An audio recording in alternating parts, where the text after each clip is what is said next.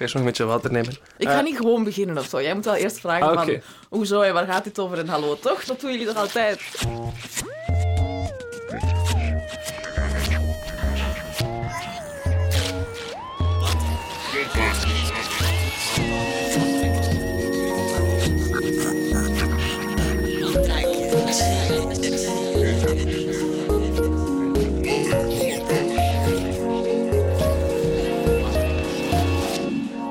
Moeten we iets weten voordat we beginnen luisteren? Of is er een, is er een handleiding? Goh, er is vooral een, een reden dat ik dit gemaakt heb.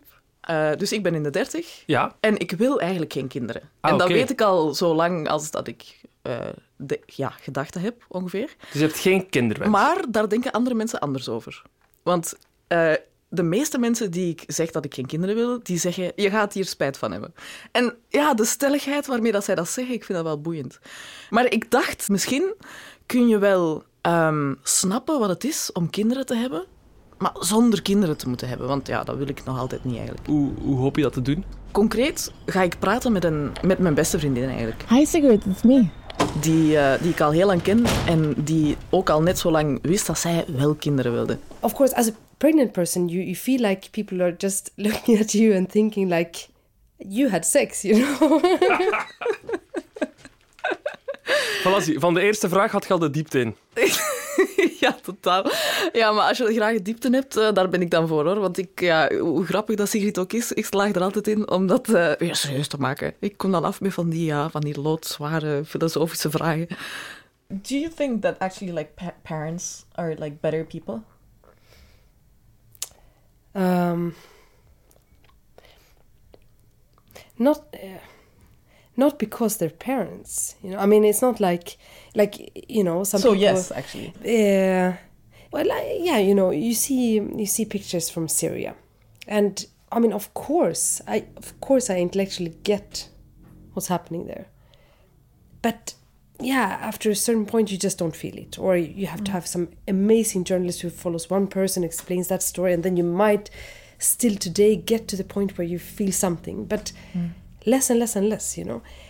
But now it's like i don't know it it only takes hearing like i don't know like a refugee boat going under outside italy and just the number of like how many small kids were on the boat or how many pregnant women and then i just yeah then it feels like i'm there you know and i think that's why you use these terms you know like how many women and kids were killed i mean that seems like weird to, for us today right Yeah, what's the difference felt it was sexist, you know? exactly, exactly. Like, oh, men can die, it doesn't matter, you know? But women and children, the weak, the vulnerable, the innocent, you know? but that phrase that makes sense for me right now And how could someone who doesn't have a kid, how could they get that feeling? Is there a way, like a little, like a trick or something to to try out? Ah, God, I don't know. But I think what it boils down to is to feel so much that you depend on everything working. You know, like handicapped person, they depend on all on a majority that is not handicapped to have thought of their life. You know, I mean, like you and I, we we can't see that going down to the metro.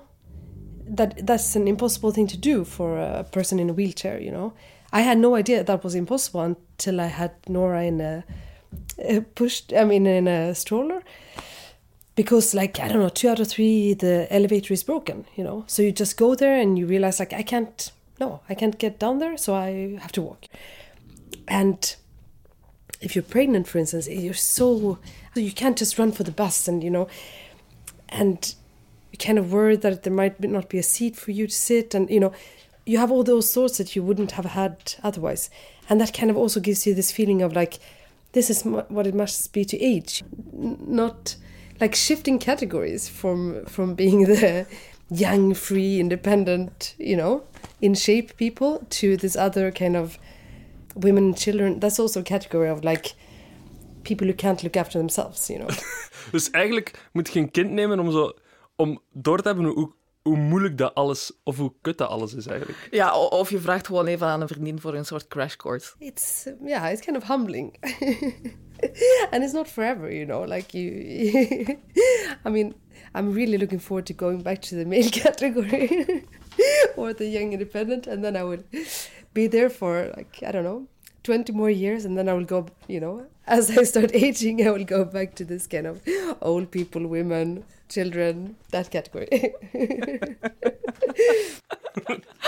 Oh, Oké, dat was dus eh, levenswijsheid nummer één. Ehm, maar nummer twee vond ik ook wel een goeie. there are so many things for people to judge.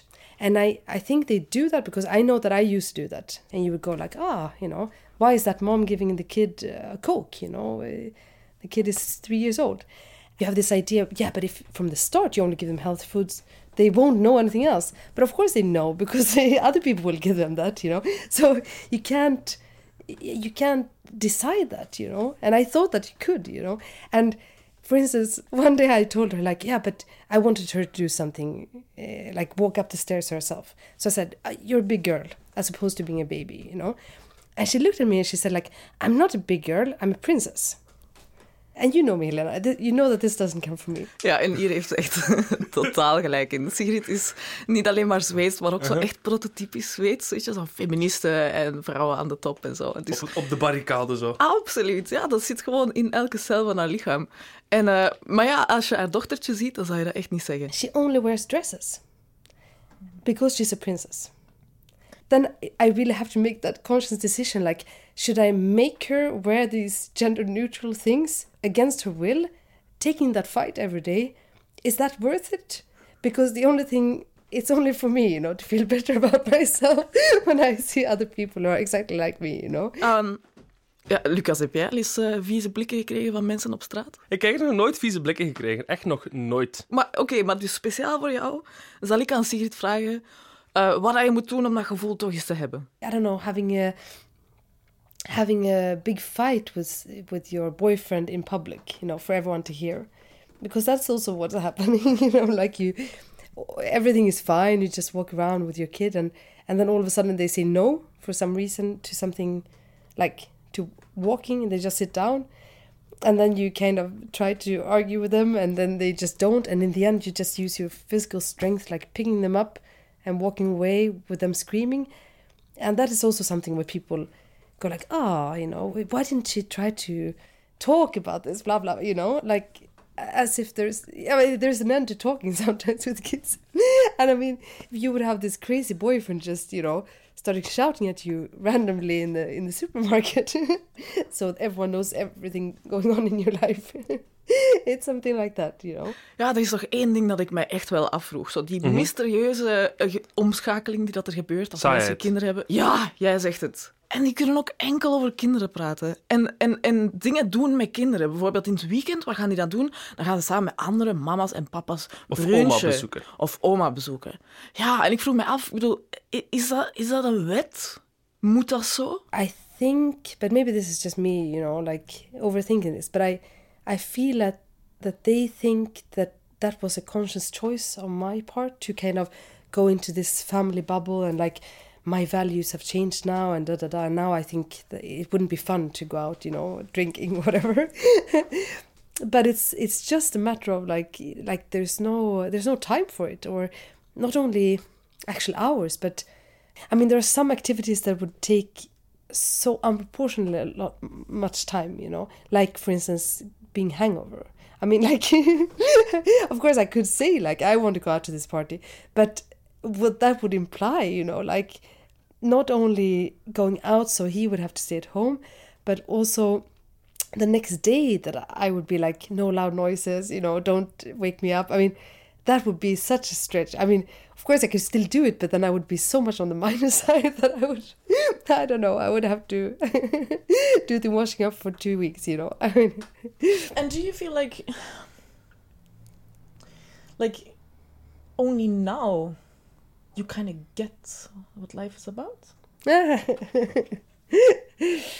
uh, no. But it feels like there are really things that I would eh, that life is not about that I could that I wouldn't waste time on today, you know. Oh, I'm gonna sound like Dalai Lama or someone like really. Ugh. Uh, I before I could actually a lot of work hours would be more like managing other people's view on you, you know. And I mean that can take so much time, you know, like today, especially with social media. I mean, you can just sit around for one hour thinking of some really smart comment on someone else's Facebook update, blah, blah, blah, and kind of tell yourself it's work, you know. Now I can't. and that is like, you know, like, yeah, like the book I wrote, it was, people would go like, oh, but how can you do that with, uh, with the baby? But it's like, I could never have done that without a baby because then I would, because and that is kind of freaky when you realize you know like if you have if you know that you have three hours a day and those hours are so e- expensive because um, it's your partner giving you those hours so it's like you not only think of what you could do with those hours but you know what he can't do with those hours then you just you can't go on facebook i mean it's impossible i mean so you actually work for four hours and it's amazing how much work you can do in four hours Is, is er nog een les die we moeten leren of, of is het gedaan? Here you go. D- Er is alleen nog, nog Ah, oké. één, Mag één nog klein niet weg. Nee, Oké. over die, over die gebroken nachten. Over een kind en niet slapen. En niet slapen. I remember, like, but this was maybe when she was maybe a week old or something. Yeah, you, you go a little bit crazy because of sleep deprivation. And then at the time, we were eh, sleeping on different floors. So one of us should always be able to sleep a little bit, you know. So I was alone with her, uh, with Nora. And you're alone. You're alone. You're alone. And there are no noises. So all of a sudden, if you hear the slightly tiny noise, it, it's so enormous, you know, and you and scary. And you're just lying there with your thoughts. And then she woke up and she did, you know, like when, when you have these tiny, tiny babies, they, they, there's, they're not in any control of their facial expressions. So she just did all these weird expressions, you know, like at a really high speed, like, ah, and, and at that time, you, you, like, they don't smile or they don't, you know, they don't, they hardly look at you in in the eyes. I mean, they just they can't control their muscles, you know. And at one point, she kind of looked at me, and she looked exactly like an adult, like she was saying something.